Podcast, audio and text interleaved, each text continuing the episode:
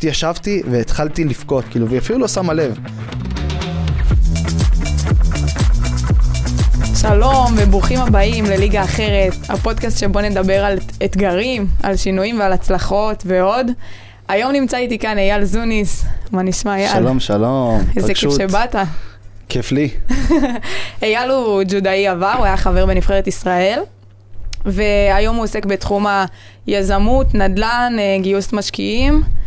אה, והזמנתי אותך היום כדי שככה נדבר על המעבר שהיה לך מהספורט לחיים שאחרי, וגם שתספר כזה על עולם היזמות והנדל"ן. איזה כיף. אז uh, אני רוצה שנתחיל, שתספר כזה על איך הכל התחיל, איך uh, התחלת את הג'ודו. Uh, וואו, האמת, את מחזירה אותי ממש לאיזה גיל שבע. Uh, הייתי ילד שובב, לא הייתי נח, לא הייתי נרגע. כאילו, ברגע שאני הייתי נרדם בבית, סבתא שלי הייתה צועקת, כולם לשכב איפה שאתם, לא לשכב לנוח. יש לכם עשר דקות עד שהילד קם. אה, בגלל זה? היה לי שנאצים של עשר דקות, כאילו הייתי מתעייף, מטעין את עצמי וקם חזרה לחיים. אמ, וככה לקחו אותי בהתחלה, האמת החוג הראשון זה היה חוג קראטה. אוקיי. התלהבתי, היה לי כיף, הכל, טמנתי שנה, ואז המאמן פשוט החליט שהוא מעביר את החוג למקום אחר.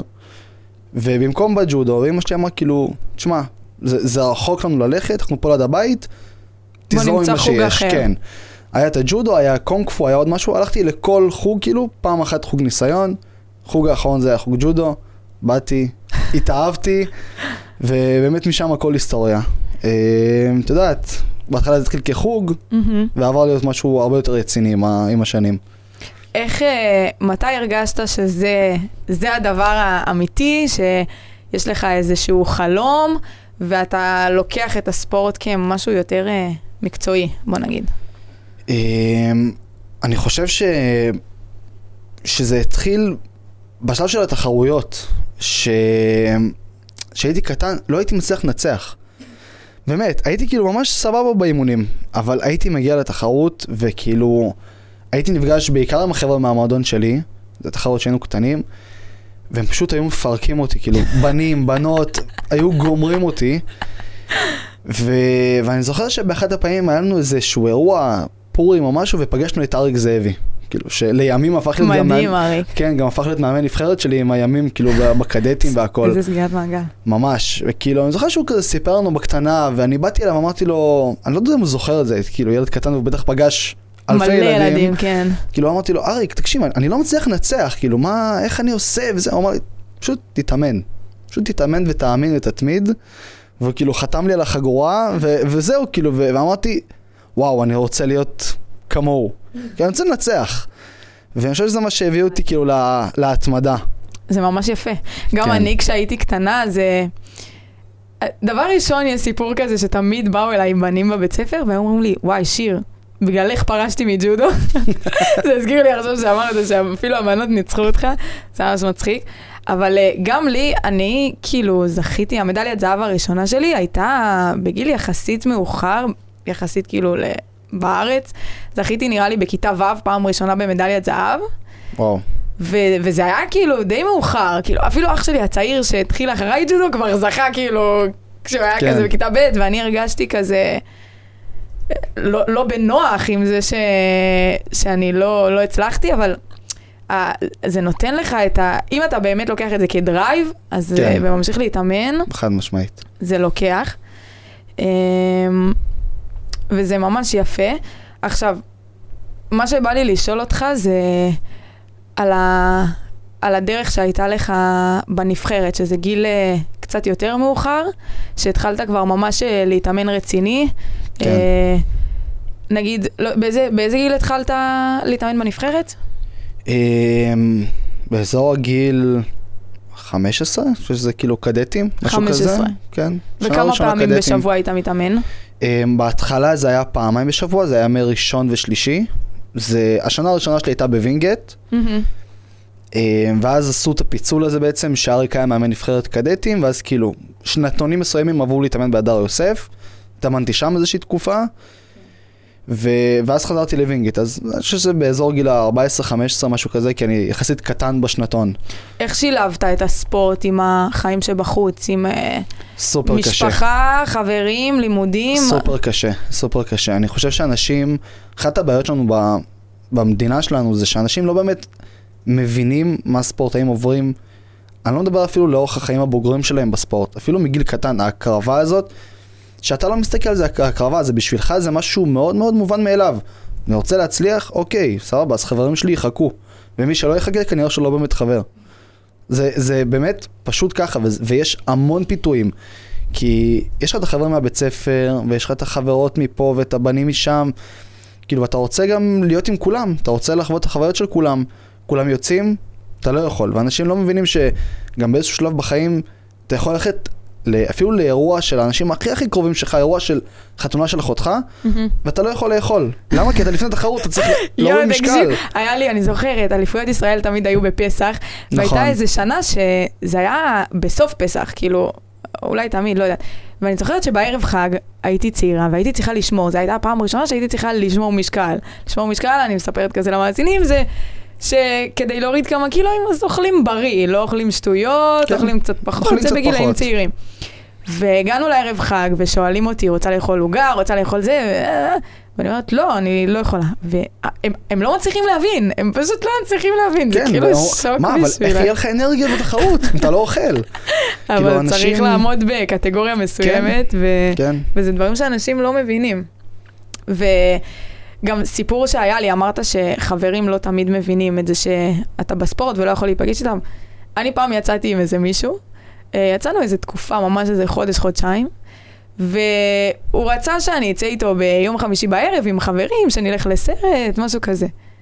ואז אמרתי לו, תקשיב, יש לי אימון בבוקר מחר, אני לא יכולה לצאת ביום חמישי בערב. והוא פשוט התבאס עליי, וכאילו אמר, מה, את לא יכולה לצאת ל...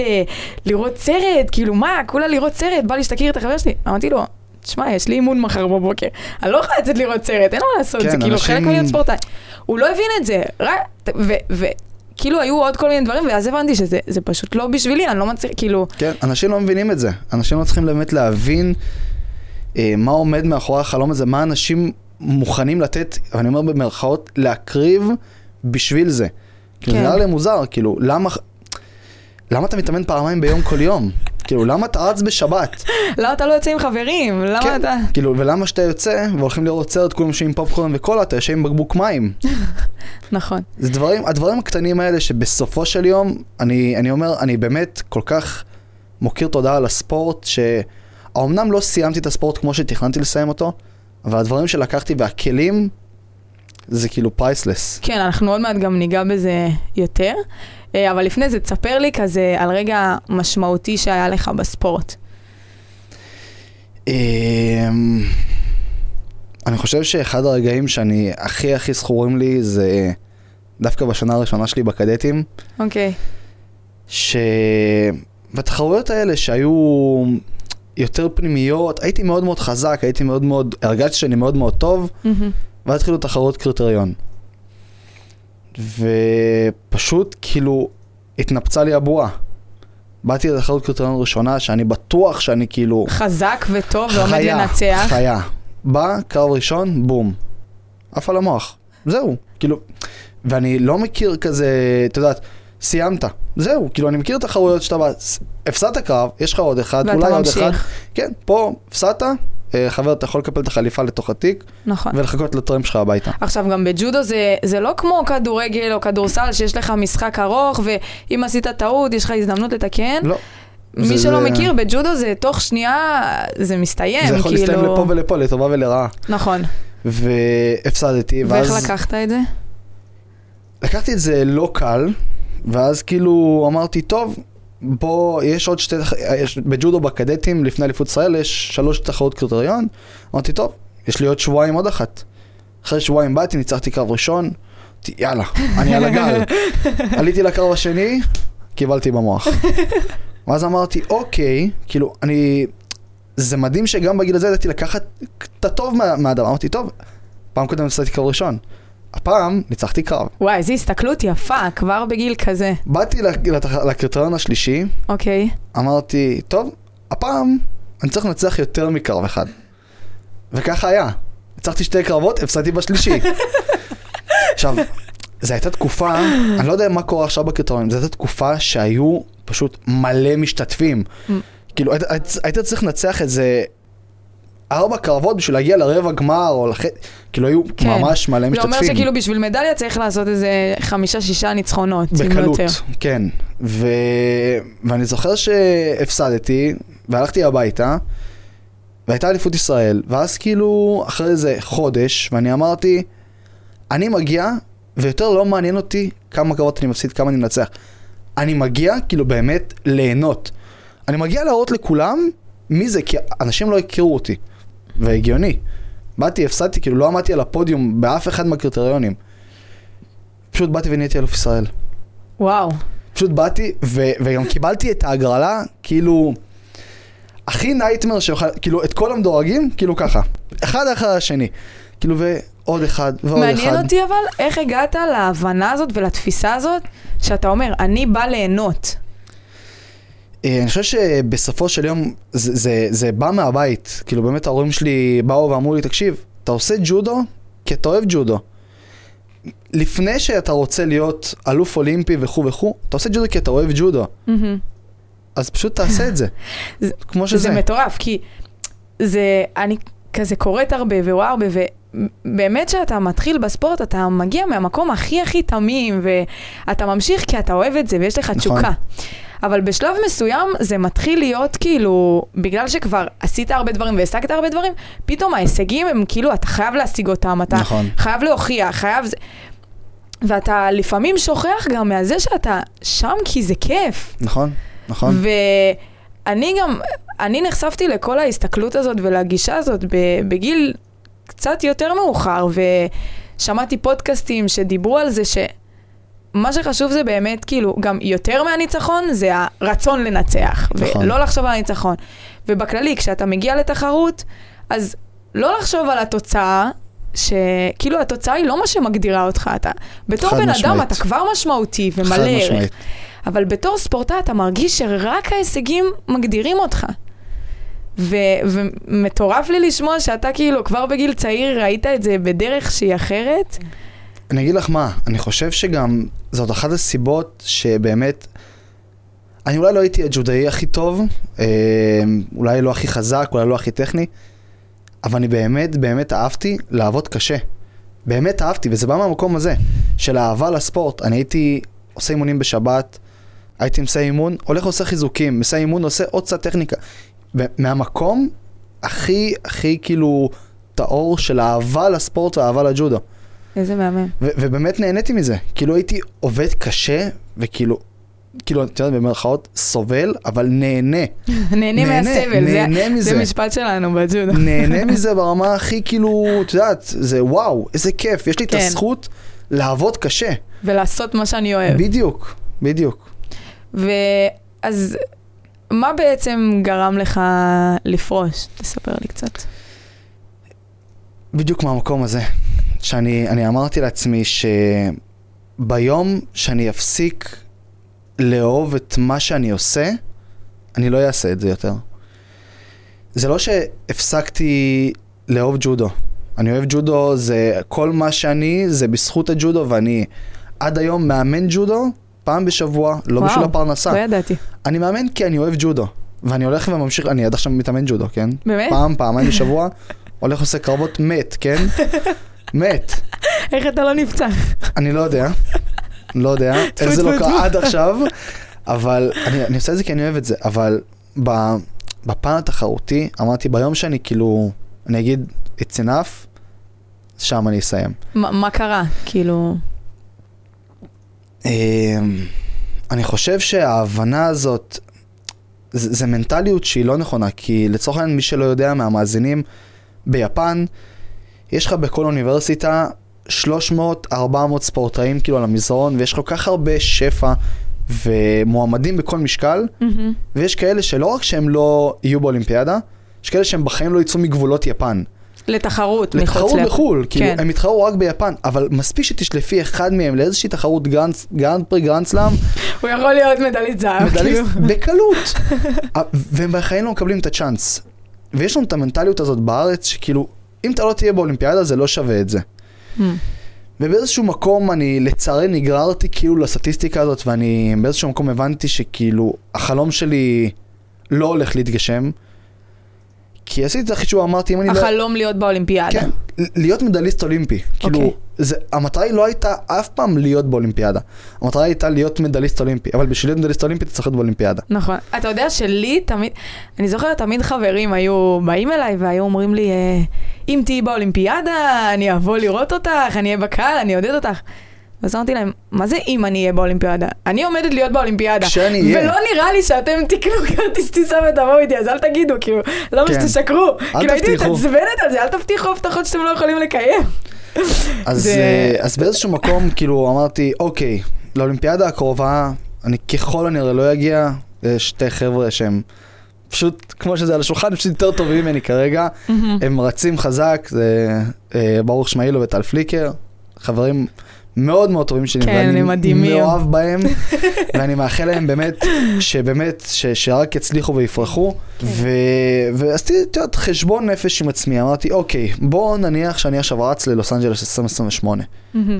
אני כאילו מגיע לשם בגיל 32, אף אחד לא מבטיח לי שאני אגיע לשם. נכון. והספורט שלנו, נכון שזו חשיבה קצת שלילית, אבל הספורט שלנו יכול... את לא יודעת מה יקרה מחר. אני יכול להיפצע יומיים לפני הטיסה לאולימפיאדה, חודש וחצי לפני, חודשיים. נכון, כלום לא מובטח. אמרתי, אני לא בטוח שאני רוצה באמת מעומק ליבי לקחת את הצ'אנס הזה. כי יש לי בת זוג, אני רוצה לבנות משפחה, ויש לי חלומות להגשים. אז אמרתי, אוקיי, היה טוב, היה נחמד, תודה רבה. אני לוקח את כל הארגז כלים הזה מהג'ודו, אני מסדר אותו יפה, ואני לוקח אותו ביחד איתי לחלום הבא. איזה יפה. אני לא, לעולם לא אהיה שלם עם, ה, עם העזיבה שלי. כאילו, עם זה שלא, שלא סיימתי איך שרציתי. אבל אני כן שלם עם כל מה שעשיתי ועם המעבר שלי לפרק הבא. וואי, זה מהמם. ועכשיו אמרת שכאילו אתה לא מרגיש שלם עם זה שלא השגת את המטרה. בא לי שתספר על איך התמודדת עם זה בהתחלה. אני בטוחה שעכשיו כבר עברת איזשהו תהליך וגם יש לך הישגים חדשים, אז כן. זה קצת יותר קל. אבל ת, תחזור רגע לרגע, תחזור שנייה לרגע ההוא. ש... שאמרת, טוב, זהו, זה מסתיים, ואז אתה מבין שבאמת, זהו, אתה לא עומד להגשים יותר את החלום שלך. א- איך היו התחושות, איך, איך הרגשת, אני, מה... אני אגיד לך, אני אגיד לך אה, מה היה באמת ה, הנקודה שבה זה, זה שבר אותי והבנתי שזהו. אוקיי. אה, זוכר שהייתי, זה היה התחרות האחרונה שלי בספרד, אה, שגם בה הייתה שערורייה, כאילו איך שהפסדתי, השופט היה בטוח שדפקתי, כאילו, שעשו לי ברך שדפקתי, שנכנעת. ואני בסך הכל תפסתי את המכנס בשביל להוציא עכשיו. פעם ראשונה שבאתי לתפוס את המכנס, היד שלי החליקה, ואז החזרתי את היד, תפסתי את המכנס ושלפתי את היד. בסדר, אני רואה אותו מרים כאילו את היד ליפול לניצחון, ואני כאילו איזה עומד, קטע? ואני עומד בהלם. כאילו לא ו- מבין מה קרה. ואני אחר כך גם רואה, יש את הפורום לאנשי ג'ודו אמיתיים, אנשים שואלים, מה קרה עם אייל זוניס? מה, למה, למה הכריעו את הקרב וזה? אבל זה לא משנה, כאילו, כי אני חושב שאני החלטתי הרבה לפני, שאני לא ממשיך. איזה הייתי קטע. בהורדת משקל לתחרות. אה, הייתי שוקל הרבה יחסית למשקל שלי, לא אגיד שהייתי שמנצ'יק, אבל כאילו, פשוט הייתי גדול פיזית. והייתי מתחרה עד 66 קילו, הייתי שוקל ביום יום 74, 75. וואי, זה מטורף. ובאחת, ובתחרות האחרונה באמת שהורדתי משקל והייתי בדרך לבת זוג שלי הביתה, היא באמת, ייאמר לזכותה שהיא תמכה בי, גם אם הייתי מחליט להישאר, הייתה תומכת בי, והייתה מכינה לי אוכל בהורדות משקל, ולפי מנות, ולפי מדידה, כאילו הייתה וואו. איזה שוברת כיף את זה הראש, שיש דבר כזה. אין כיף כזה. ופשוט ישבתי איתה, כאילו, בארוחת ערב, אני מוריד משקל, אוכל את ה-100 גרם של החזה עוף ועוד אה, 30 גרם אורז, ו... יואו, זה נוראי. חד משמעית. ו... ואני כאילו חושב שזה משהו שהתבשל בי תקופה, ופתאום, את יודעת, ישבתי, הסתכלתי על האוכל הזה, והסתכלתי על, ה... על איך שהייתי נראה, ו- וכאילו אמרתי, שאתה כבר סובל מדי. אני, אני לא יודע אם אני עושה את זה מהמקום של ה... אני אוהב את זה, כמו שאני עושה את זה במקום שאני חייב להוכיח למישהו משהו. Hmm. ופשוט התחלתי לבכות. פשוט ישבתי והתחלתי לבכות. כאילו, והיא אפילו לא שמה לב. פשוט ישבתי, אכלתי, המשכתי לאכול, פשוט זלגו לי כאילו דמעות על הפנים. וואו. היא אמרה לי כאילו, מה יש לך? אחי, מה קורה? כאילו, למה אתה בוכה? אמרתי לה, בואי נסיר, אני חייב לנשום אוויר. כאילו, ואמרתי לה, תשמעי, ככה וככה וככה וככה, אוקיי. אני מפחד. אני פשוט מפחד לעזוב, לעשות את אני, הצעד הזה. כי אני לא יודע מה יהיה. אנשים לא מבינים מה זה להיות ספורטאי מקצועי, שכל היום סובב סביב אותו דבר. אני הייתי קם לאימון בוקר, מהמם. מסיים. אה, זה יכול להיות אחר כך או מסאז' או פיזיותרפיה או whatever, או פסיכולוג, אה, ארוחת צהריים, כן. מנוחה, אימון. לפעמים אחרי האימון יש עוד אה, חיזוקים, תוספות, קצת פה, קצת שם.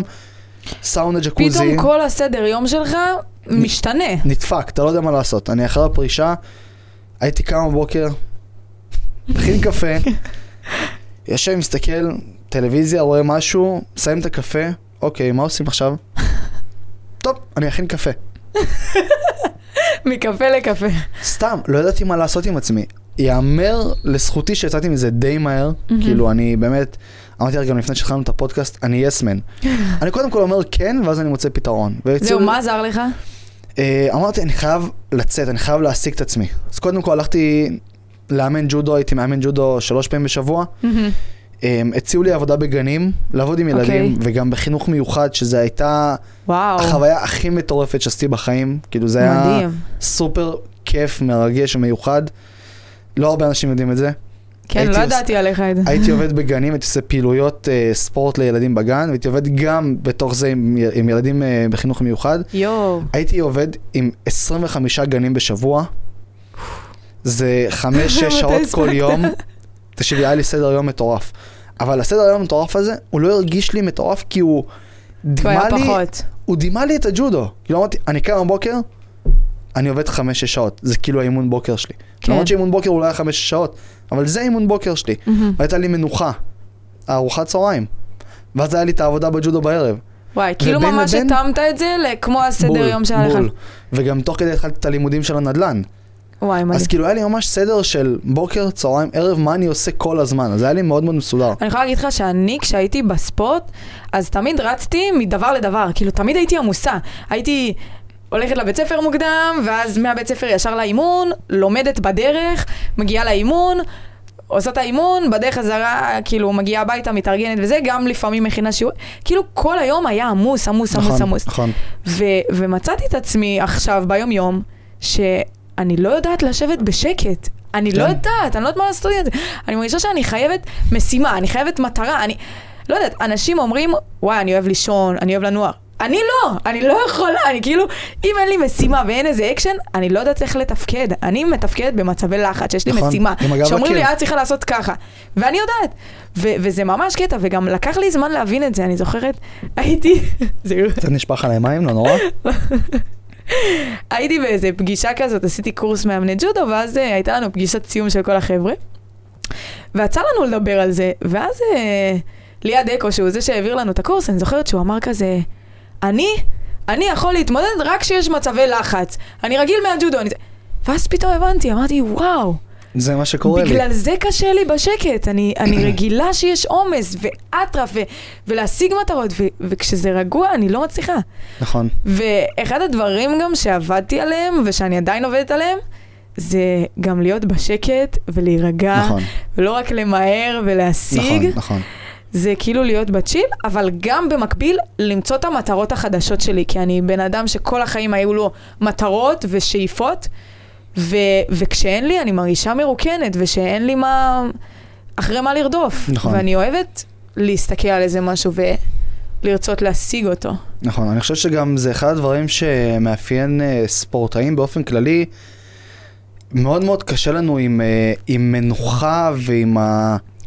לתת לעצמך רגע לנשום. כאילו, אני הייתי מרגיש שאם אני לא בעשייה מתמדת, אני כאילו מפסיד משהו. כאילו, יש אנשים נכון. אחרים שהם מתאמנים והם מתקדמים ואנחנו בדיוק, בצד. בדיוק, וזה, וזה גם, את יודעת, זה ל- לחיים האישיים שלי, כאילו, כבר אחרי הג'ודו.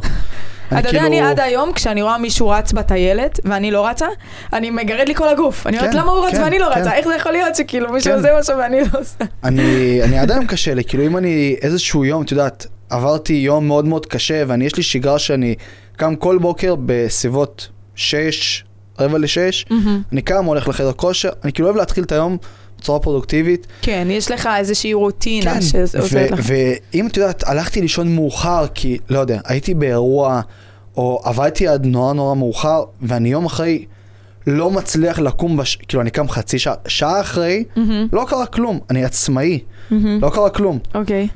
אני כאילו ממש כועס על עצמי, אני מתאכזב וואי, מעצמי, אתה אני נשמע כמוני. אני אומר, וואלה, איך לא קמת? פשוט בושה של בן אדם. לא קמת לחדר כושר.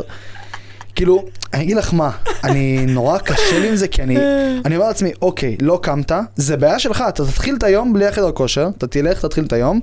ותשלים את זה בערב. ואני בא בערב, ואני רואה פשוט שהחדר כושר מפוצץ.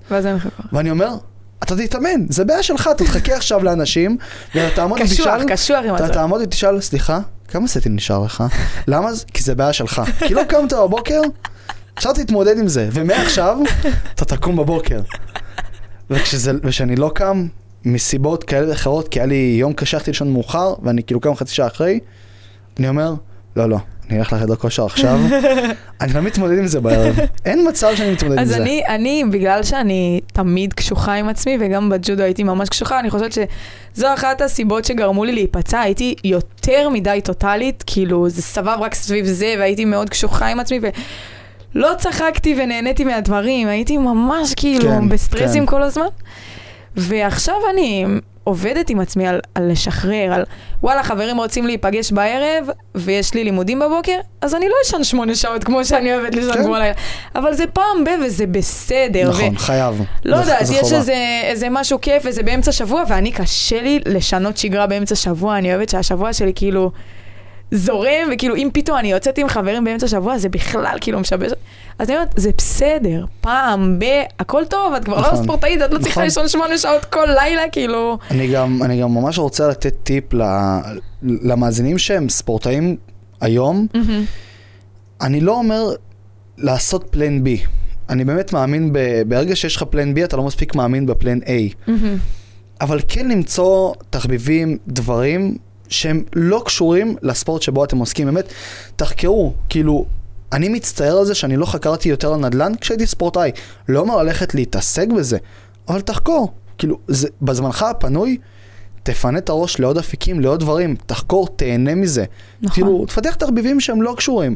כי להיות too much טוטאלי, זה לפעמים מביא דברים לא טובים. כאילו, כגודל הציפייה כגודל האכזבה. נכון. ואתה כאילו ממש טוטאלי וממש רוצה את זה, וכשקורה משבר מאוד מאוד קטן, זה גם משפיע בצורה מאוד מאוד זהו, גדולה. גם מה הקטע שאם אתה, אין לך את הדברים האחרים, אז הזהות העיקרית של, במילא, הזהות העיקרית שלך היא ספורטאי. אבל כשאין אין את הדברים האחרים, אז הזהות שלך היא ספורטאי. אתה, אם אין לך הישגים בספורט, אתה לא שווה כלום. נכון. וברגע שאתה רואה שהחיים שלך מורכבים מכל כך הרבה, שאתה בן אדם של... יש לך משפחה, יש לך את החברים, יש לך את הלימודים, יש לך את כל הדברים, וכאילו, אתה יודע, אתה מצליח גם שם, אז כשאתה טיפה לא מצליח בג'ודו, זה לא נכון. מערער אותך לגמרי. כי אוהבים אותך בבית, ואוהבים אותך עם חברים, ואתה... נכון. מ- חכם ומפתח את עצמך, משהו מרים אותך. כשאתה רק רק רק בג'ודו, אז כל דבר קטן אתה, או בספורט, לא משנה, כל דבר קטן לוקח קשה, אני זוכרת, ההורים שלי היו שואלים אותי שאלות על הג'ודו, לא הייתי מצליחה לענות להם מרוב שהייתי כאילו עצבנית ובסטרס וכאלה, כי כן, כן. לא הרגשתי את הביטחון הזה מסביב, וגם יש איזה פוסט ממש יפה שראיתי שאמיר דנטה כתב, גם אה, נכון. ג'ודאי.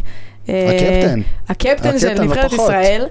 ממש ממש התחברתי, הוא דיבר על זה שהרבה ספורטאים מתחילים את הספורט עם איזושהי אהבה ואיזשהו חלום, ולאט. לאט כל הציפיות והדברים האלה מהסביבה, הסביבה רוצה הוכחות. נכון. והספורטאי מתחיל כאילו להיכנס לאיזה סטרסים ולחצים, וזה פתאום מ- מלהיות משהו שאתה עושה אותו בשביל הכיף שלך ותהליך, אתה רק חושב על להצליח, להוכיח. להצליח, להצליח, להוכיח להוכיח, למישהו משהו. ואז גם אתה לא מצליח, וגם זה מתסכל. ו... והוא כאילו דיבר על זה שלדעתו, הספורט צריך לשלב, אה, כאילו ספורטאי צריך לשלב עוד דברים. כאילו נכון. התרבות של הספורט, ספורטאי הוא רק ספורטאי. נכון. וזה זה לא הכי נכון, כי וואלה, ספורטאי צריך גם ללמוד, נכון. גם להיות עם נכון. זוגיות, גם לפתח עוד אבל, אבל דברים, אני, רוצה, אני רוצה להגיד לך משהו. ואז הוא אני, יוכל להתמיד בזה למשך זמן. אני רוצה להגיד משהו לספורטאים שאומרים, נכון, אני כרגע, אני לא לומד, אני לא זה, אני כרגע רק ספורטאי. חבר'ה, את, אתם לא רק ספורטאים. אתם יודעים מה זה להיות ספורטאי? נכון. אני רק כשעזבתי, כשסיימתי עם הג'ודו, הסתכלתי רגע אחורה ואמרתי, אני זכיתי להיות ספורטאי, כאילו, אני אשכרה הייתי ספורטאי מקצועי. אני הייתי בנבחרת ישראל, אנחנו לא מסתכלים, לנו זה נראה כמו מובן מאליו. נכון. אנשים לא מבינים, כאילו, אנשים בחוץ, שאני יושב איתם בפגישות היום, מה, כאילו, אתה נראה לי מאוד צעיר, איך אתה איש נדל"ן? מה, מה, כמה זמן אתה בנדל"ן? כאילו, אני אומר להם, אני שנה בנדל"ן. וואלה, ומה עשית לפני? כאילו, מאיפה הגעת? אני הייתי ספורטאי בנבחרת ישראל בג'ודו. ואנשים כאילו תופסים את הראש. אני מסתכל, אני אומר, מה, כולה הייתי בנבחרת ישראל. מה יש לכם? אני אבל בדיוק עם כמוך. הזמן זה מחלחל בי. נכון. אני הייתי ספורט... כמה אנשים זוכים לעבור את המסע שאנחנו עברנו? נכון. נכון, לא היינו בטיולים שנתיים, אבל כמה אנשים לא היו בטיולים שנתיים מהסיבות שאנחנו לא היינו? שניסו להגשים את עצמם נכון. וללכת אחרי אני החלום. מגיל מאוד מאוד קטן, קמתי כל בוקר וניסיתי לעשות את מה שאני רוצה ואת מה שאני אוהב. עשיתי את מה שאני אוהב. נכון. ניסיתי להגשים את עצמי. כמה אנשים זוכים לעשות את זה? זה מטורף. בגיל כזה צעיר. נכון. אני נכנסת לזה, ואני גם, אני זוכרת ש... אני הייתי מזלזלת בעצמי. הייתי משיגה הישגים, אפילו מדליות בחו"ל, שזה... מי כבר השיג מדליה בחו"ל? וכל פעם שמישהו היה אומר לי, וואי, כל הכבוד, איזה אלופה, הייתי, הייתי אומרת לו, מה אלופה? זה כאילו לא תחרות גדולה, לא תחרות... הייתי מנמיכה, תמיד הייתי מנמיכה מעצמי. במקום להעצים. במקום להעצים, הייתי מנמיכה, וואלה, נגיד אני אלופת ישראל, וואלה זה כולה ישראל, זה לא איזה משהו גדול. ו, ועכשיו אני גם עובדת עם עצמי על אה, להעלות את האהבה העצמית והערכה העצמית שלי כלפי עצמי. ו, ואני גם, אה, כשיצאתי מהספורט והתחלתי להיחשף לאנשים, אז ראיתי כאילו שבשבילם לא משנה להם אם אתה אלוף גרנד פרי, אלוף גרנד סלאם, אלוף אה, ישראל, היית בנבחרת ישראל.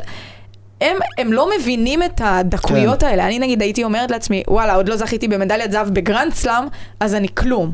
אבל הם לא מבינים את הדקויות האלה, והם מסתכלים על זה של בן אדם היה ספורטאי, התאמן כל יום, פעמיים ביום, עשה דברים, כאילו, איזה מטורף זה. ואני לאט לאט מבינה איזה מטורף זה, כאילו, איזה מטורפת הייתי חושב- ואיזה מטורפת אני עכשיו. אני חושב שהרבה אנשים, וזה טוב, אנשים מסתכלים לא רק על תוצאות. נכון שהרבה אנשים מחפשים את התוצאות, אבל אני חושב שהרבה פעמים אנחנו מספרים את הסיפור הזה לעצמנו. זה לכל אחד יש את הסיפור שלו בראש של עצמו, אני חייב להוכיח כדי שיראו ש... אבל יש הרבה אנשים שמסתכלים על ספורטאי ואומרים, וואו, יש לך ערכים של ספורטאי ומשמעת עצמית. מהמם. ואני פוגש את זה הרבה בחיים שלי היום, וואו, היית ספורטאי. יש לך ערכים של ספורטאי, יש לך משמעת עצמית. נכון. לא שואלים אותי, וואלה, מה עשית בתור איזה ג'ודאי? כאילו, הישגים, כן. זה פחות מעניין. אני חושב שהסיפור הזה של ההישגים, זה כן מעניין אנשים מסוימים. מהמם. אני חושב שזה לרוב הסיפור שאנחנו מספרים לעצמנו. שאנחנו לגמרי. חייבים להוכיח שאנחנו טובים, בשביל זה אנחנו חייבים לזכות במדליות. והרבה אנשים רואים אותך כספורטאי, וזה כאילו, זה מספיק להם. נכון. היית ספורטאי? וואו. לא צריך להגיד בכלל שהייתי בנבחרת ישראל בג'ודו. כאילו, היית ספורט... אתה יודע מה זה להיות ספורטאי? שאפו. נכון. ועכשיו שדיברת על הערכים של ספורטאי, אני כשיצאתי מהספורט, הרגשתי ש... שחסרה לי הסביבה הספורטיבית הזאת, עם אנשים שהם אה, דומים לי, עם ערכים דומים, שרוצים להתקדם, שהם כזה מלאים מוטיבציה, ו... וזה מאוד חסר לי. הרגשתי כזה... קצת עבודה בעולם שבס... שבחוץ.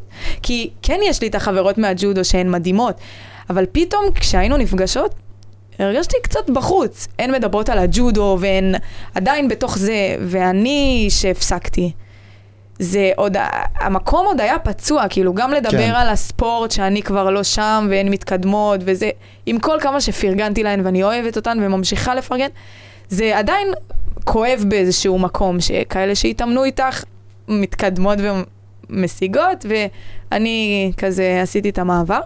וגם בכללי, עכשיו עניינו אותי דברים שונים בחיים, וכאילו לדבר כל היום על הספורט, כאילו כמה אני יכולה לשמוע את זה כבר? יצאתי משם. ומצאתי את עצמי ש... שאני בחוץ, ואני רוצה לדבר עם אנשים, וגם על כל הקשיים וההתמודדויות שיש לי, ואני לא, לא מוצאת כאילו את מי לשתף, עם מי לדבר על זה. אף אחד לא באמת מבין מה זה להיות, כאילו מי שלא בא מתחום הספורט ולא היה ספורטאי, אולי הם מכירים את זה מדברים אחרים, אבל להיות ספורטאי שמגיל ארבע התחנך וגדל בצורה מסוימת, והיו לו ערך, אה, סליחה, מטרות שהוא רצה להשיג, אני כאילו מגיל חמש-שש היו שואלים אותי ומכוונים אותי לאולימפיאדה, ו... וכל החיים התאמנתי ועשיתי הכל כדי להגיע לשם, ואז ויתרתי, ויתרתי על החלום, אני אומרת ויתרתי במרכאות. אמ, כאילו, אף אחד לא הבין מה אני חווה, את התסכולים, את הקשיים, את ה... אף אחד לא חווה. ו... וכאילו גם סיפרתי לך בטלפון שאחד הדברים שאני רוצה לעשות זה להקים קהילה של ספורטאי עבר. אה, כדי שביחד נחזק אחד את השני, שנדבר על הקשיים זה חד האלה. משמעית משהו שהוא, זה, אני חושב שזה משהו מבורך. אני חושב שאין את המודעות של היום שאחרי. כאילו, אם אתה ספורטאי שהוא אולימפי ומצליח, אז קצת יותר קל לך להסתדר, אבל אנשים לא באמת מבינים מה זה להיות ספורטאי כל החיים, אה, לעשות אה, מה שאתה אוהב, ואז להחליט ביום אחד בעיר שכאילו, אוקיי, זה, זהו נגמר, אוקיי, אבל אתה לא בתודעה של האנשים, כאילו, אתה... זה לא שיזהו אותי ברחוב. ויציעו לי הצעות, ויציעו לי, כן, תהיה כשאתה כאן. ספורטאי אולימפי שיצליח, אז יש לך קצת יותר דלתות פתוחות. מהמם. אבל מה עם הספורטאים שלא הצליחו מסיבות כאלה ואחרות, פציעות, לא משנה מה. כאילו מה, שהגיעו לאיזשהו שלב שהם באמת עשו את זה כל כך הרבה שנים. אני חושב שזה משהו שהיצירת קשרים בעולם בחוץ, במיוחד אם תהיה כזאת קהילה, כן, אני מתעסק בזה, וואלה, אני מכיר את ההוא שמתעסק בזה, בוא אני אחבר ביניכם. ומקשרים, זה מהמם. קשרים טבעיים בלי, את יודעת, זה, זה משהו שהוא מדהים ומבורך, וזה אנשים שבאים מאותו מקום ומבינים אחד את השני. נכון. גם כל הקטע של להתמודד עם הקושי הזה בפרישה. אני עכשיו קראתי איזשהו ספר, קוראים לזה Athlete to Entrepreneur, ספר באנגלית, וזה ספר שהוא הוא כאילו עם, עם סיפור, נראה לי, לא זוכרת כמה, 20, 40, לא יודעת, סיפורים של ספורטאים, ספורטאי עבר, שהפכו להיות יזמים, וכל אחד בכמה עמודים מספר את הסיפור שלו. ואני זוכרת, קראתי, קראתי אותו לפני כמה חודשים, אני קוראת סיפור סיפור, וכאילו מכל סיפור אני רואה איך יש קווי דמיון, איך כזה, חד וואלה, משמעית. גם הוא חווה מה שאני חוויתי, והקשיים שהיו לי, גם הוא, היה, היו לו את הקשיים האלה, והדרכים שאני עוברת, הוא עבר. ואמרתי לעצמי, וואי, זה מטורף, כאילו, דבר ראשון, זה, זה כיף לראות מישהו שעובר דברים דומים, זה נותן לך איזושהי הזדהות ואיזושהי, מין אה, רווחת, אה, נשימת רווחה כזאת של, אוקיי, אני לא מוזר. גם הוא עבר את זה, גם הוא התמודד, אני לא מוזרה, זה, זה קורה לכולם והכל בסדר. נכון. גם זה מצד אחד, ומצד שני לראות את התהליך שהוא עשה ולהגיד לעצמי, וואו, כאילו הנה, הוא עשה את הדברים האלה, אולי אם אני אעשה את הדברים האלה, אז אני גם מגיע פחות או יותר לדבר הזה. ואני חושבת שזה גם מה שיהיה יפה בקהילה, שיהיה אפשר לשתף בקשיים, ואנשים יראו ש... לא רק הם מתמודדים לבד עם, ה... עם הקשיים שלהם, יש אנשים פה שרוצים לעזור להם ורוצים לקדם אותם, נכון, חד משמעית. ובגליל ספורטאים הם אנשים של קבוצה. נכון. גם בספורט יחידני כמו שלנו, אתה כאילו לא יכול ג'ודו, להצליח בלי קבוצה. אתה עובד בתוך, בתור, בתוך נבחרת. כאילו, נכון. אני חושבת שאחד הדברים ש, שבזכותם הג'ודו כל כך מצליח בארץ, זה שהנבחרת פה היא כל כך חזקה וכאילו כל כך טובה. נכון. ו, ואני מרגישה שחסר לי את, הנבחרת הזאת, והקהילה הזאת יכולה לייצר מין נבחרת ליום שאחרי. אז אני, אני לקחתי את זה למקום שהעתקתי את זה.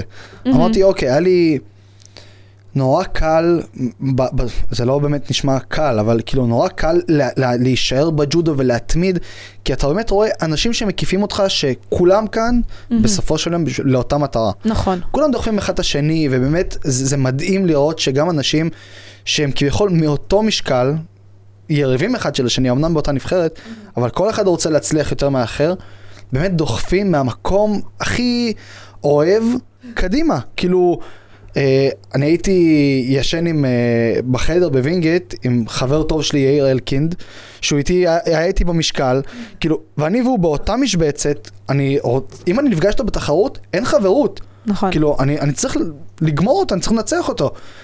אבל ביום יום, מה, איך היה לך אימון? היה לך טוב? אני, אני רואה שאתה קצת מדוכא. כאילו, והוא תומך בי ואני תומך בו. וזה מדהים לראות שאנחנו כאילו מחוץ למזרון, כאילו באימונים, הולכים מכות. יוצאים מהאולם, שוכחים מהכל, כאילו, כל כך רוצים באמת מאהבה טהורה לעזור אחד לשני ולהתקדם. כאילו, את יודעת, ואני לפעמים יכול לתת ל, למישהו טיפים. איך לעבוד איתי כשאני צריך לנצח אותו. כאילו, נכון שתפסתי אותך פה, תנסה לשחרר, ת... כאילו, אני נותן לו טיפים איך להקשות על עצמי, כאילו, זה הזוי. כאילו, כן, אתה זוכר שתפסתי, נכון שהפלתי אותך ככה? אז תנסה לשנות האמית... אז לקחת את זה אחרי זה לחיים שלך וייצרת לך לחיים קהילה. שאחרי? פשוט יצרתי לעצמי, כמו שהייתי מוקף באנשים האלה, אמרתי, אוקיי, אם מעניין אותי תחום הנדל"ן, אני הולך לשמוע, להתחבר ולהקיף את עצמי בכמה שיותר אנשי נדל"ן. אני בסופו של יום אבחר עם מי להיות, כמה ולמה. מהמם, נכון. אבל אני שומע את המשפט הרבה פעמים שידע הוא כוח, ואני לאחרונה קצת חולק עליו. מהמם. אני חושב שידע הוא לא כוח, ידע הוא פוטנציאל לכוח. אם יש לך ידע ואתה לא משתמש בו, אין לך שום כוח. נכון, גם עכשיו אז- ידע, כל העולם מלא בכל כך נכון, הרבה ידע שאתה יכול להשיג להשיג בשנייה. אותו. אז אני באמת אמרתי, אני בתחום הנדל"ן, אני חייב להקיף את עצמי בכמה שיותר אנשי נדל"ן. אני נפגש, הולך, כל מקום שיש, עולה כסף, בחינם, לא משנה מה. דברים שלא קשורים אליי, אבל יכול להיות שיהיו רלוונטיים בשבילי בעתיד, אני הולך לשמוע. אני הולך שכולם מסביב יראו את הפנים שלי. ואז בסופו של יום אנשים יגידו, אה, אוקיי, אייל זון, כן, הוא נדל"ן. אייל זון קשור לנדל"ן. למה? כי ראיתי אותו פה. איך נכנסת לעולם הזה של, הידל... של הנדל"ן? וואו, האמת שתמיד הייתה לי זיקה. באמת? כאילו, תמיד אמרתי, כשאני אהיה גדול, אני רוצה לעשות נדל"ן. וואי, אשכרה. ו- וכשפרשתי מהג'ודו, כאילו התחלתי עם הגנים וזה, ואמרתי, טוב, אני, אני לא אמשיך להיות בגנים ולאמן ג'ודו, כי זה לא מה שאני רוצה. אמרתי, אה, אני רוצה, כשאני אהיה גדול אני רוצה לעשות נדל"ן, כאילו, ונראה לי שאני פשוט מספיק גדול בשביל להתחיל לעשות נדל"ן. אה, וזהו, וכאילו, ככה יואו, התחלתי. איזה קטע. מה, מאיזה גיל? כאילו, מה, מה, מה היה? תמיד, לא, יודע, לא יודע מאיפה נוצרה הזיקה הזאת, אבל תמיד אמרתי, וואו, אני רוצה להיות קבלן או איזשהו יזם. תמיד. זה עניין מישהו אותי. בסביבה שלך עסק בתחום? או... אה, האמת שזה מוזר, אבל הרבה אנשי ג'ודו, כאילו מאמני ג'ודו שהם עוסקים בנדל"ן. Mm, יש הרבה מאמני ג'ודו, אבל לא, לא, זה לא מישהו שהיה יותר מדי קרוב אליי. כאילו, כן, כן. המאמן שלי, ערן ורדי, כן, הוא נגיד עוסק בנדל"ן, Mm. אז כן אבל- היית אבל- חשוף לזה. אבל כן, אבל זה לא מגיע, זה הגיע קצת הרבה? יותר מוקדם. Mm. לא יודע למה. איזה קטע. אני עכשיו אה, עשיתי איזה קורס, והיא דיברה שם על למצוא כזה מה המשמעות שלך בחיים ובמה אתה רוצה לעסוק בקריירה, והיא דיברה על זה שבשביל למצוא את הדבר הזה, אפשר רגע להסתכל על סיפורים מהעבר וחוויות אה, מהעבר, אפשר גם לשאול אנשים שמכירים אותך, וכאילו היא אמרה שכבר מגיל צעיר אפשר לראות מה, מה היה הכיוון שלך. ו... ואני זוכרת עם עצמי שתמיד חלמתי כזה להרצות ו- ולדבר ולהיות מול כזה אנשים וללמד אנשים. ו- ואני חושבת שאיפשהו בדרך הדחקתי את החלום הזה, כי כזה, הי- הייתה לי מין תוכנית כזאת של אני אהיה ספורטאית אולימפית, אני אביא מדליות, אחרי זה אני אוכל להרצות, לספר על הסיפור שהיה לי כן. וזה, וכאילו לא השגתי את המדליה, אז סוג של הדחקתי את החלום הזה של ההרצאות. וכאילו, התחלתי לעבוד עם עצמי ולראות מה אני רוצה לעשות, ו- והבנתי שוואלה, זה, זה כאילו כן בי, כאילו כל ההרצאות, ו- ולעזור לאנשים ולפתח אותם, וש... ו- ואמרתי לעצמי, וואלה, אני יכולה לעשות את זה? גם אם לא זכיתי במדליה. זה שלא זכיתי במדליה, זה לא אומר שאני לא יכולה לעשות את זה, זה לא אומר שאני נכון. לא יכולה לתת ערך לאנשים. יש לי הרבה ערך לתת לאנשים, נכון, וכאילו... חד משמעית. אז מה אם לא השגתי את המדליה?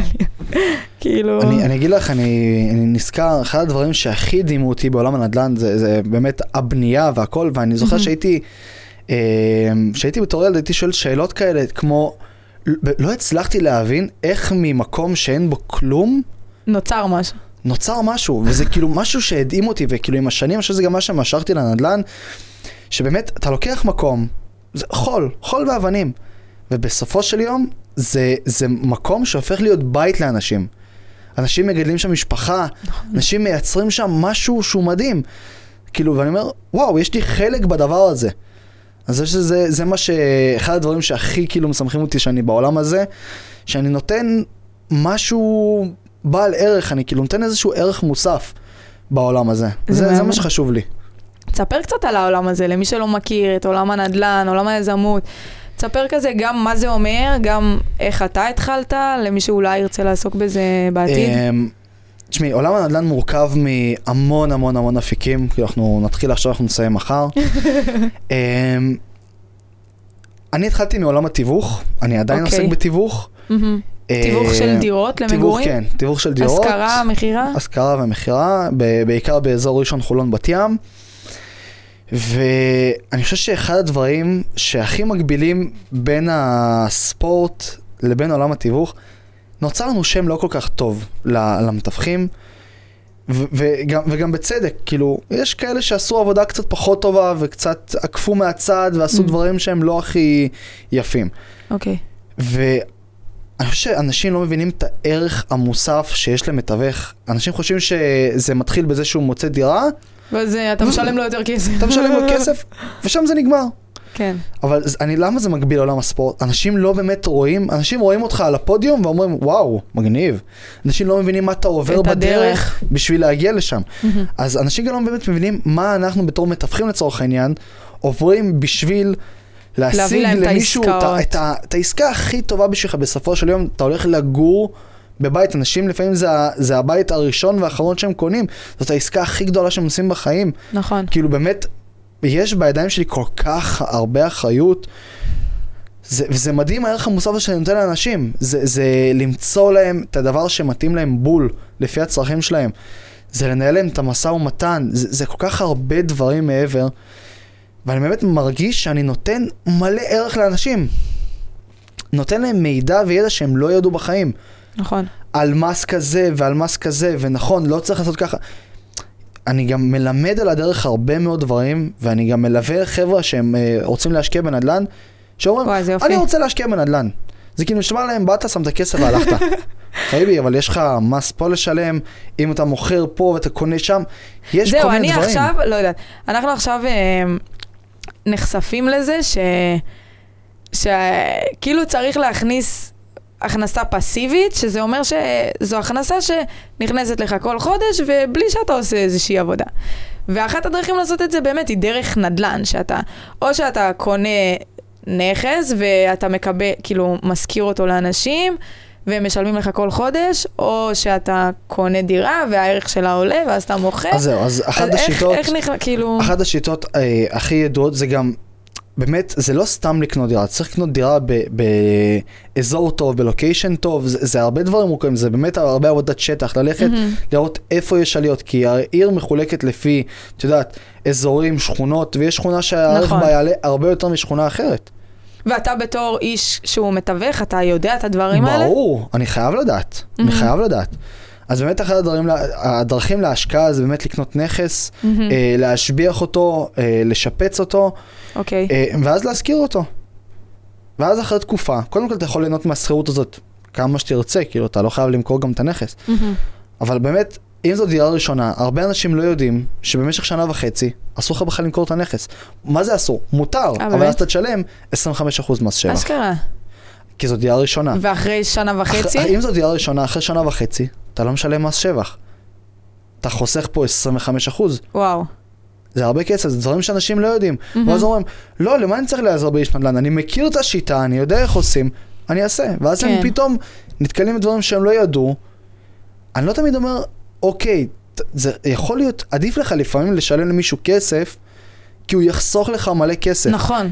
וכמו שאני אה, לצורך העניין מצפה אה, לשווק את עצמי חזק באינסטגרם או בפייסבוק, ובאמת להעלות הרבה תוכן, אני יכול לעשות את זה לבד. נכון, אני אחסוך לעצמי מלא כן. כסף. זהו, אנש. אנשים גם אומרים ש... כשיהיה לי כסף, אני אשתמש באיש הזה שיעזור לי בזה, אני אעשה את הזה שיעזור... אבל כאילו, הם לא מבינים שזה הפוך. כאילו, נכון, קודם אני צריך נכון. להשקיע את הכסף, נכון, להיעזר נכון. באנשים, והם יביאו לי את הידע, את הכלים נכון. ואת השיטות, להרוויח יותר אחרי זה. נכון, אז, אז אני בדיוק, אה, אני, אני בהתחלה הייתי במחשבה של וואלה, כשיהיה לי כסף אני אשקיע בכרטיסי ביקור, כשיהיה לי כסף אני אקנה לעצמי חליפה יפה. אבל זה בדיוק עובד, הפוך. אני קודם כל צריך להשקיע את הכסף, מהמם. וכמו שאני מצפה שאנשים ישתמשו בי כאיש מקצוע, אני גם צריך להשתמש באנשי מקצוע. אני יכול לבקש מסבתא שלי שתתפור לי חליפה. היא לא תהיה יותר יפה, היא לא תהיה יפה כמו חנות שמוכרת חליפות. אני יכול לעשות לבד שיווק באינסטגרם ולצלם סרטונים ולערוך את זה גם. אבל זה לא יהיה מקצועי, כי אני לא עוסק בזה. נכון, אז כמו שמישהו לא עוסק בנדל"ן, נכון. ואני כן, אני צריך להשתמש בי כאילו, אתה כאיש מקצוע. אשכרה בתור איש נדל"ן, אתה כל היום חוקר על נדל"ן, חוקר על. נדל"ן, בודק על נדל"ן, ברור. חי, נושם, ישן, חולם על נדל"ן, נכון, וכאילו, נכון. יש לך הרבה הרבה ידע שאתה יכול לתת לאחרים. נכון, כמו, אני לא יודע אם שמת לב שנכנסתי לפה לסטודיו ואמרתי וואו בניין חדש וישר דפקתי על הקיר לראות אם זה, אם זה גבס או שזה בטון. זה כבר בא באופן טבעי, זה כמו שאתה ג'ודאי, אתה לא יכול לעמוד עם בן אדם וסתם לשים עליו יד ולעמוד להישען. אתה חייב לעשות כאילו אתה עושה ג'ודו, כאילו, והבת זוג שלי היא משתגעת מזה, אני יכול סתם להביא לה חיבוק, פתאום להתחיל לעשות תרגילי וואי, ג'ודו. תוך כדי. נשמע כמוני. כן, כי, זה ככה. אתה חי את זה, וזה מה שיפה בעולם הנדל"ן. אני חושב שזה כל תחום שהייתי הולך בו, לעבוד בו. לקחתי את הג'ודו, ואמרתי, כמו שהייתי חי, נושם ג'ודו והייתי מסור לעניין, אני הולך לעשות אותו דבר בכל אני מקום אחר. רוצה שתספר על דברים שלקחת מהספורט לחיים שלך היום. כאילו, איך השתמשת גם? כי, לא יודעת, בספורט אתה, אתה מקבל הרבה כלים, נכון. אבל קשה לעשות, איתה, לעשות איתם את השיפט לחיים שאחרי. אז אני רוצה נכון. שתספר כזה. אה, אני חושב שאחד הדברים הכי הכי הכי חשובים שלקחתי איתי, זה ההתמדה. זה להבין שיש תהליך. זה לא כאן ועכשיו. נכון. אתה לא יכול להגיע ל... לא להתאמן ג'ודו בחיים, להגיע לתחרות ולקחת מקום ראשון. כאילו, או- הסיכוי, אני בחיים לא אומר לעולם לא, כן, אבל כן. הסיכוי שזה יקרה הוא כל כך כל כך אפסי. אז אותו דבר בחיים. אתה לא יכול להגיד, אוקיי, הייתי ספורטאי, אני עכשיו מעריך את עצמי ויש לי ערך עצמי גבוה, טוב, כל תחום שאני אכנס אליו אני אצליח. זה לא נכון, כי זה, מהמם. זה כמו הספורט. נכון. צריך לעבוד קשה, לתרגל את זה, להתאמן, נכון. לעבור איזשהו תהליך, איזושהי כברת דרך בשביל להגיע ל... גם יש אנשים שהם, לא יודעת, רוצים לעשות תחום חדש או להשיג איזה משהו חדש, הם מנסים חודש, מתאמצים, מתאמצים, מתאמצים, מתאמצים, אחרי חודש רואים שאין איזה שינויים, אז הם אומרים, טוב, ניסיתי, לא הצלחתי. אז זה מה שלקחתי מהג'ודו. ההתמדה הזאת, על לעבוד קשה, להבין שלא הכל מגיע כאן ועכשיו. מהמם. כאילו יש איזושהי כברת דרך שחייב לעבור, זה כמו בספורט. ובאמת זה, זה התמדה, זה המשמעת עצמית, זה ה- לא לוותר על עצמך, אה, להסתכל קדימה. נכון, אני רוצה להיות באולימפיאדה, אבל אני לא יכול לקום ולהגיד, אני, זהו, אני ספורטאי אולימפי. אני בחיים, כמו שאמרתי לך, אני רוצה להיות יזם נדל"ן, אבל אני לא יכול לקום בבוקר ולהגיד, אני יזם. צריך אתה צריך איזושהי כברת דרך. לעשות את הדברים שיזם עושה, כדי כל יום להוכיח מחדש שאתה יזם. אתה צריך קודם כל להתחיל מקטן. להתחיל עם משהו בעולם הנדל"ן. זה, זה להתחיל בתיווך, כל דבר אחר. זה להקיף את עצמך כמו שהייתי בג'ודו. הייתי מוקף בג'ודאים. אני אהיה שחיין, נכון. ככל, אני, ככל הנראה אני אהיה מוקף בשחיינים. כן, אני בעולם הנדל"ן, אני צריך להקיף את עצמי באנשי נדל"ן. נכון, ולאט לאט לבנות את עצמך, לבנות את השם, את הביטחון, נכון, אה, להביא גם תוצאות בסופו של יום. אתה לא יכול נכון. להקיף את עצמך ולהגיד, לא, אני פה, אני רק מסתכל. כאילו, ואז נכון. להגיד יום אחד, אני יזם. כאילו, צריך לעבור איזושהי כברת דרך, צריך קצת לעבוד, קצת, קצת הרבה. לעבוד, להשיג דברים, ולהראות באמת, חבר'ה, כאילו, באתי, וואלה, עשיתי. נכון. אז הדבר הראשון, התמדה, מה הדבר השני שלקחת? אמ, אני חושב ש... התמדה ו- ולהקשיב לעצמך, להקשיב ללב. וואו. להקשיב ללב, כי אני חושב שאם עשיתי את הצעד הזה של להחליט של לצאת מהספורט, אני חושב שזה צעד סופר אמיץ וסופר גדול, וזה מה שהלב שלי אמר. וברגע שאתה הולך עם הלב, אני בן אדם שאוהב להתייעץ.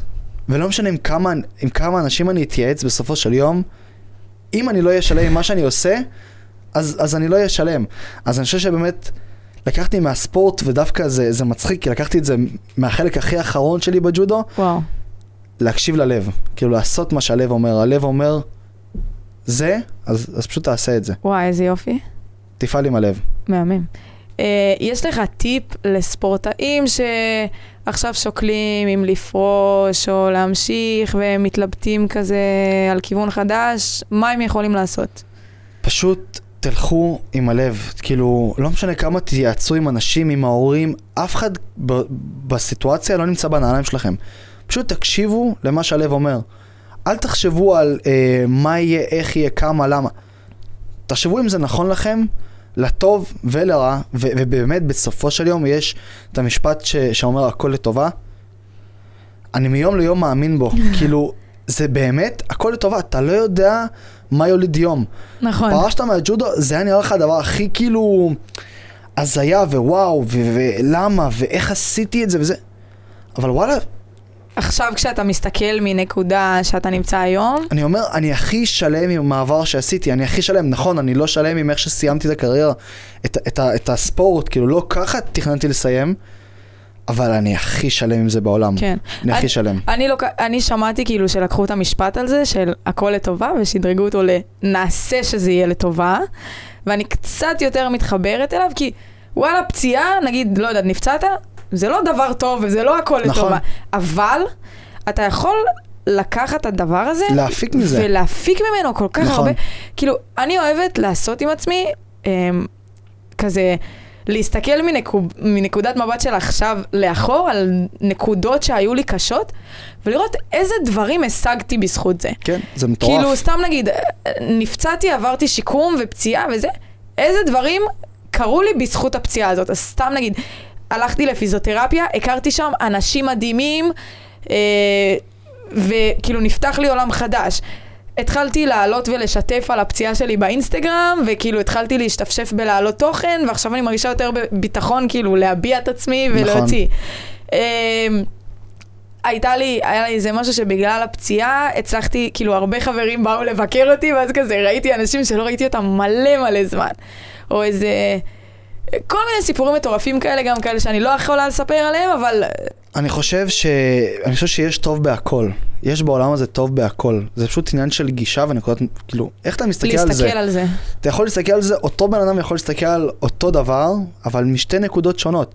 כאילו, אני יכול להסתכל ולהגיד, וואו, למה, למה זה קורה לי? כן, למה רק אני נפצע, למה אני- הכל קשה, זה- למה אני פורש ולא הצלחתי. ואני יכול להגיד אותו משפט, אבל בקונוטציה שונה. אני יכול להגיד, כאילו, וואו, אוף, נו, למה זה קורה לי? ואז אני יכול להגיד מנקודת שנייה, כאילו, אוקיי, מעניין למה זה קורה לי. כאילו, בוא נמצא את הטוב בדבר הזה. בכל דבר יש טוב, רק זה עניין של למצוא אותו. איזה זה יפה הכל. זה. איך נכנס- נחשפת לגישות האלה? זה נשמע ממש מתוך העולם של ההתפתחות אישית ומודעות ו... אה, אני חושב שזה תהליך שעברתי עם עצמי, שהיה בי הרבה מאוד כעס אה, על עצמי ועל הסביבה בספורט ובכללי בחיים, כאילו, מה, למה, כאילו, איך זה שדווקא, וכאילו, פתאום אמרתי, לא צריך להאשים אחרים. לקחת אחריות. קודם כל לקחת אחריות על דברים שקורים, ו, וגם להכיר תודה. תודה על הכל, תודה באמת על הכל.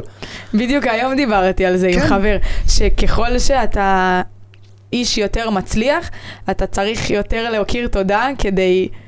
כי יש לך קשיים, כאילו, התמודדויות וקשיים שהם הרבה, קשיים שהם הרבה יותר גדולים ומאתגרים, אז אתה כל הזמן צריך להזכיר לעצמך כמה, כמה צריך להכיר תודה, להכיר תודה. לצערי, לצערי, כאילו, ולשמחתי, אני, לפעמים את הדברים האלה אנחנו מבינים רק כשקורה משהו לא טוב, או משהו טרגי. והיו כמה נקודות בחיים, כאילו, בתקופה הזאת, מאז שבאמת החלטתי לעזוב את הג'ודו, שכאילו... כאילו אמרתי, באמת, מה זה ליד זה? כאילו, אני, זה כל, הכל מתגמד לי. מהמם. כאילו שקורים דברים כאילו שהם, את יודעת, אנשים חס וחלילה מאבדים את החיים שלהם. אתה אומר כאילו, כן. על מה אני מתלונן? כאילו, הכל קטן ליד זה. כאילו, נכון. אני באמת עכשיו, אני מכניס לעצמי גם לרוטינה, כל יום שאני קם לחדר כושר, אני מתחיל את זה ב-15 דקות הליכה, על ההליכון, ואני פשוט הולך, שם את הידיים על ההליכון, אוקיי. בשביל לא ליפול, עוצם עיניים, ופשוט אומר, תודה. וואו. אני אומר, תודה לבת זוג שלי. תודה שהיא, שהיא כאן בשבילי. תודה למשפחה שלי. תודה על הזכות לקום כל בוקר ולעשות מה שאני אוהב. מהמם. תודה, כי זה לא מובן מאליו. יש נכון. אנשים שאת יודעת, שלא זוכים לעשות את זה מסיבות כאלה ואחרות, וכאילו, אני כן. אז באמת תודה על זה, תודה על הכל, תודה על הזכות הזאת, לקום כל בוקר ולעשות את מה שאני רוצה, תודה על זה הזכות מדהים. לקום לחדר כושר, זה כאילו אנשים נכון. אומרים, כן, אני הולך להתאמן. אתה יכול להתאמן אנשים שהם יש לא אנשים שלא יכולים, יכולים אה, לעמוד על הרגליים, יש שלא יכולים לצאת יכולים, מהבית. יש אנשים שלא יכולים להרשות לעצמם לשלם על החדר כושר, תודה רבה, נכון. תודה רבה על האוכל שיש לי בבית. על הדברים הכי הקטנים האלה, אני חושב שברגע שלמדתי להכיר תודה, זה שינה לי קצת את הנקודת מבט על, ה, על החיים באמת. וואי, זה מהמם. וואי, אייל, איזה פרק. בא לי לשאול אותך עוד כמה שאלות כאלה לסיום, זה שאלות קצרות כאלה. אה, טוב, אתה מוכן? זה כזה, צריך, אתה יאללה. צריך לשלוף את זה. יאללה. אוקיי, המלצה לספר אה, לאנשים. אבא עשיר אבא אני. אבא עשיר אבא אני. כן. הוא, מה לקחת מהספר הזה? המון, המון, אני, אני לא אגלה, פשוט, פשוט תקראו את תקראו, הספר. תקראו, וואי, ספר טוב, וגם הוא כתוב קליל כזה, כאילו... הכי קליל בעולם. הכי נכון. קליל בעולם. אני ו- נלחצתי מלקרוא אותו, וכשקראתי פשוט נהנית, קראתי אותו של... שלושה ארבעה ימים רצופים כשהייתי בסגר קורונה כי הייתי חולה, זה מה ספר מדהים. שעשיתי. וגם, וגם, אה, מי לקח את הגבינה שלי. סרט כן, מדהים גם גם. אהבת? סרט מדהים. קצת פחות התחבר. זה סרט שדווקא, איזה סרט, ספר. אני אומר, ספר שבאמת מלמד על נקודת מבט, כן, על, על, על החיים. נכון, זה יפה גם. אה, טוב, שאלה נוספת. מישהו שאתה עוקב אחריו ברשתות ואתה ממליץ אה, לאחרים. שהוא נותן לך השראה, או אפילו לא ברשתות, בן אדם שנותן לך השראה. זה יישמע לא אובייקטיבי, ואת את תכף, את תשמעי את השם, יכול להיות שאת מנחשת כבר את השם, אני עוד לא מנחשת. אבל זה יישמע לא אובייקטיבי, כי הוא החבר הכי טוב שלי, אבל, אה, אבל פיטר פלצ'יק, אה, אוקיי, כן. חד משמעית, חד משמעית. מי ש... בן אדם מדהים. אני, אני, זה, זה, לא, זה מעבר לאינסטגרם. זה הדרך שהבן אדם עבר, והנקודת מבט שלו על החיים. וההכרת תודה, זה הרבה גם בזכותו. תספר עליו בכמה מילים למי שלא מכיר אותו. פשוט תעקבו אחריו. פשוט תעקבו אחריו, אחרי זה בן. אדם ש...